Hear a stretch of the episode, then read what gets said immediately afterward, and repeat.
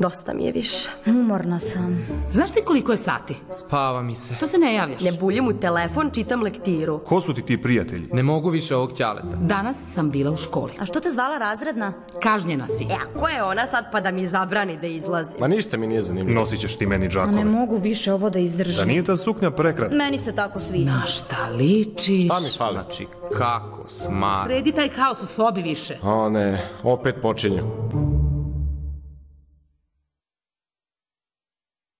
Zdravo, zdravo.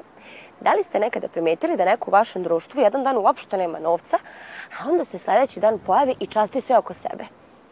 I je li vam to bilo možda sumnjivo? Mislim da već znate o čemu ćemo danas da pričamo. O kocki. Da li ste vi nekada bili u kladionici ili znate neko ko se kocka? Zašto je kocka toliko opasna i zašto kada jednom probamo više nikada ne možemo da prestanemo? O tome pričamo sada.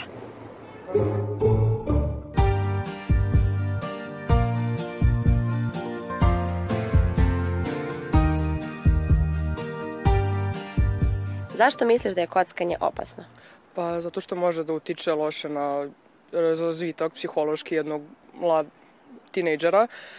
Prvo to, drugo opasno za financije, naravno izgubiš pare, postaneš zavistan, zaludiš se time, ne možeš više da razmišljaš o odnosima, porodičnim, prijateljskim, romantičnim, kako god i ceo život krene da ti se vrti samo oko te kocke, samo oko kladionice i to je jedino u tvom životu u tom trenutku. Iako se teško čovek izvadi iz toga i Mislim da jeste jedna od najopasnijih zavisnosti, baš zbog toga koliko mi mislimo da je ona bezopasna i zbog toga koliko se ona zapravo nama prikrada, jer mi mnogo lako prihvatamo spoljašnje uticaje i zapravo ni nemamo u to koliko e, utiču na nas neki spoljašnji faktori i koliko nama nešto može u podsvest da se, e, da se useli poput kockanja kockarnica. pošto treniram košarku, poznajem dosta ljudi mladih, pogotovo moje godina i odrastao sam u takvom kraju i upoznao sam puno momaka koji dan danas počeli su dosta mladi, igraju dosta mladi i čak sam ja bio znatiželjen pa sam ja par puta otišao s njima, hteo sam da vidim šta je to toliko, da kažem, zabavno. Mene zanimala ta njihova način na koji su oni pričali o tome, tako da dosta više nego što ljudi misle. Nama kada dođu mlade osobe u program, um, često nisu svesni. Nisu svesni uopšte posledica, nisu svesni problema i nisu svesni da je to bolest. Zašto je to bolest? Zato što dolazi do um, toga da, da uh, ulog koji osoba unosi u samu igru, dakle nije samo novčanog a, novčanog obeležja, već je to i zdravstveno stanje, dakle osoba počinje da dobija tegobe na zdravstvenom nivou, što zbog stresa, zatim na ponašajnom polju i na psihičkom planu. Ti kao čipovi kada se stave novci u te aparate ili u te rulete, kako se sad to već jeli, zove, novac tada gubi svoju ekonomsku vrednost, jeli, to, ali ne gubi kao u smislu da 100 dinara ne vredi 100 dinara, 100 dinara vredi 100 dinara, ali jednostavno taj osjećaj kako, kako sam ja vidio na način na koji to ljudi gledaju, uopšte nisu svesni da je njima jedan taj udarac ili nešto bilo šta slično, može da bude 100, čak nekima je bio i 1000 dinara. Od mojih vršnjaka znam za njih par koji idu trenutno ili su išli pre i mislim sećam se trenutaka kada bi me pitali možeš da stojiš sa mnom ispred kladionice dok čekam da pitam nekoga da im uplate tiket i mislim to je bilo sačekala sam ja sa njima, ali ipak nekako mi je žalosno to u prvoj i drugoj godini sa 16 godina da neko tako stoji ispred kladionice satima i čeka da mu neko at uplati tiket. Tu nema pravila. Nema pravila ni, ni obrazovanje, ni godine, ni nacionalnost. Ako mislite na samu tematiku igre, da, zastupljene su kladionice i tu više online aplikacije kako nam se izdešavalo ovo što se izdešavalo, pa je recimo taj online produkt dobio svoj jel vrhunac, kladionice, aparati, rulet, dakle sve je dostupno.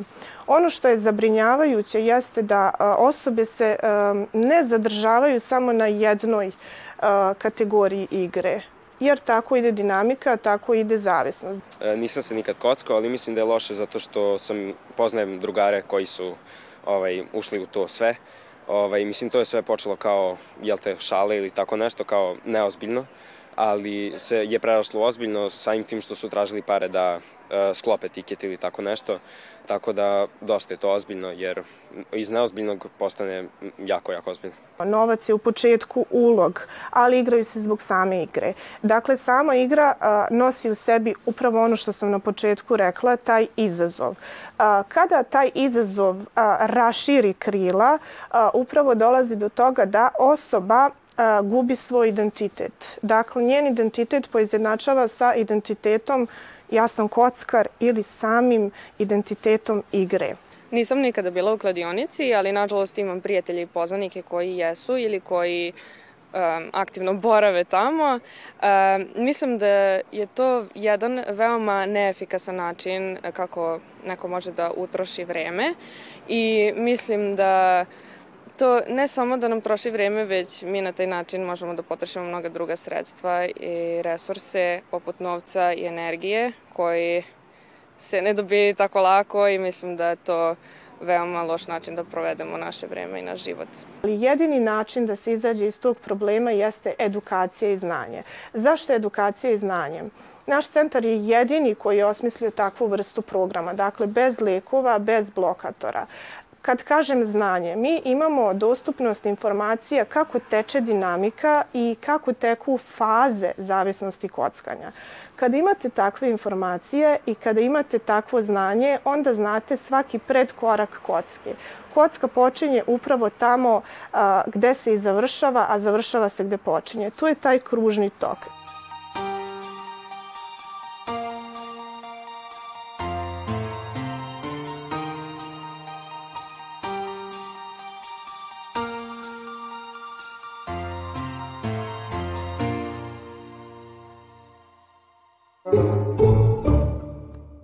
Znate li za izraz staviti sve na kocku?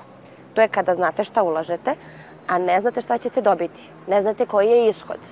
I to ne koristimo samo u kockarskom svetu, to koristimo i u svakodnevnom životu. Ali ja znam šta nikako nikada ne smete staviti na kocku. Upis u srednju školu i prijemni ispit.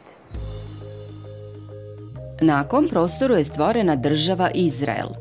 Na prostoru Male Azije, na prostoru Bliskog istoka, na prostoru Južne Evrope, na prostoru Severne Afrike.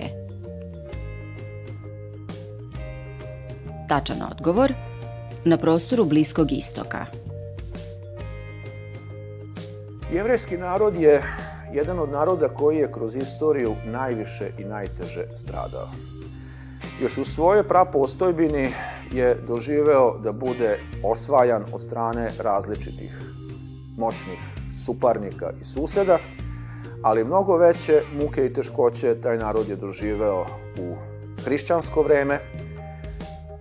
Da vas podsjetim da po Bibliji i po drugim svetim knjigama hrišćanstva su jevreji krivci za Isusovu smrt.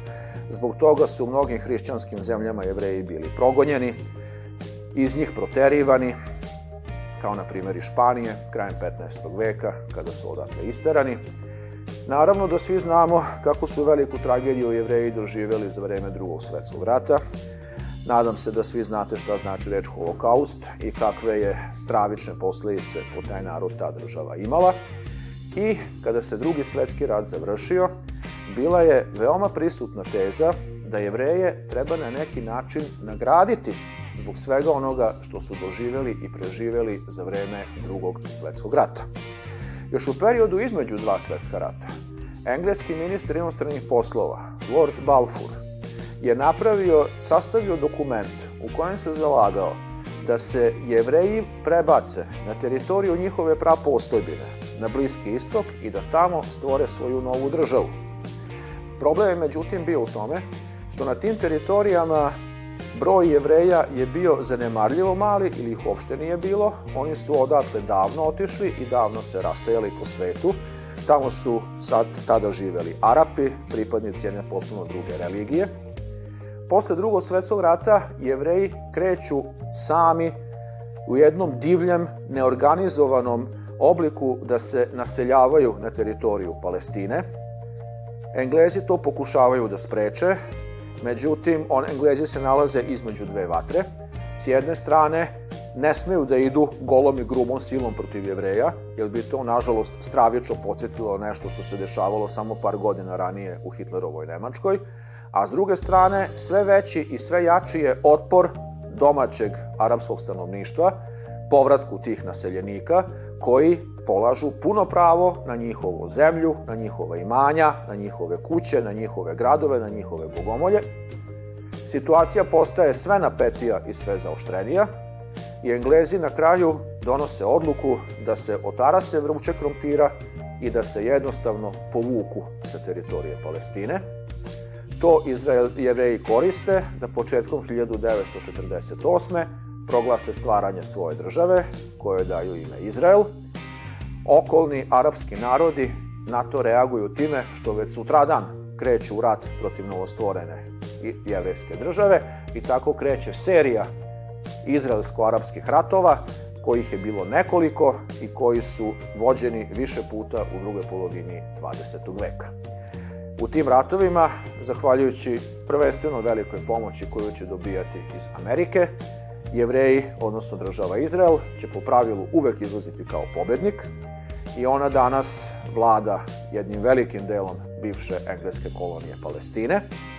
Tamo danas vlada jedan krhak i vrlo lako, da kažem, mir koji se vrlo lako može narušiti, ali ipak mir.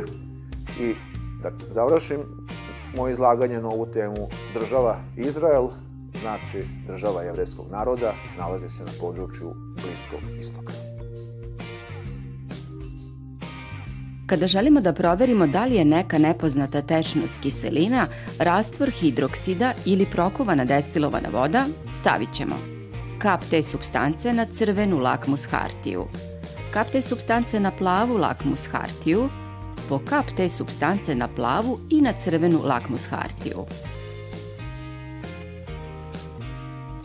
Tačan odgovor, po kap te substance na plavu i na crvenu lakmus hartiju. U hemijskoj laboratoriji često se koriste indikatori. Indikatori su substance koje nam ukazuju da li je neka komponenta ili neka substanca kisela, bazna ili neutralna. Najčešće u laboratoriji koriste se lakmus hartija. Lakmus hartija se dobija tako što se odgovarajuća hartija natapa e, rastvorom određenih e, boja koje se dobije iz liševe, nekih 10 do 15 različitih, različitih boja. Lakmus hartija postoji crvena i plava. Crvena lakmus hartija u kiseloj sredini ostaje crvena, dok u baznoj sredini postaje plava.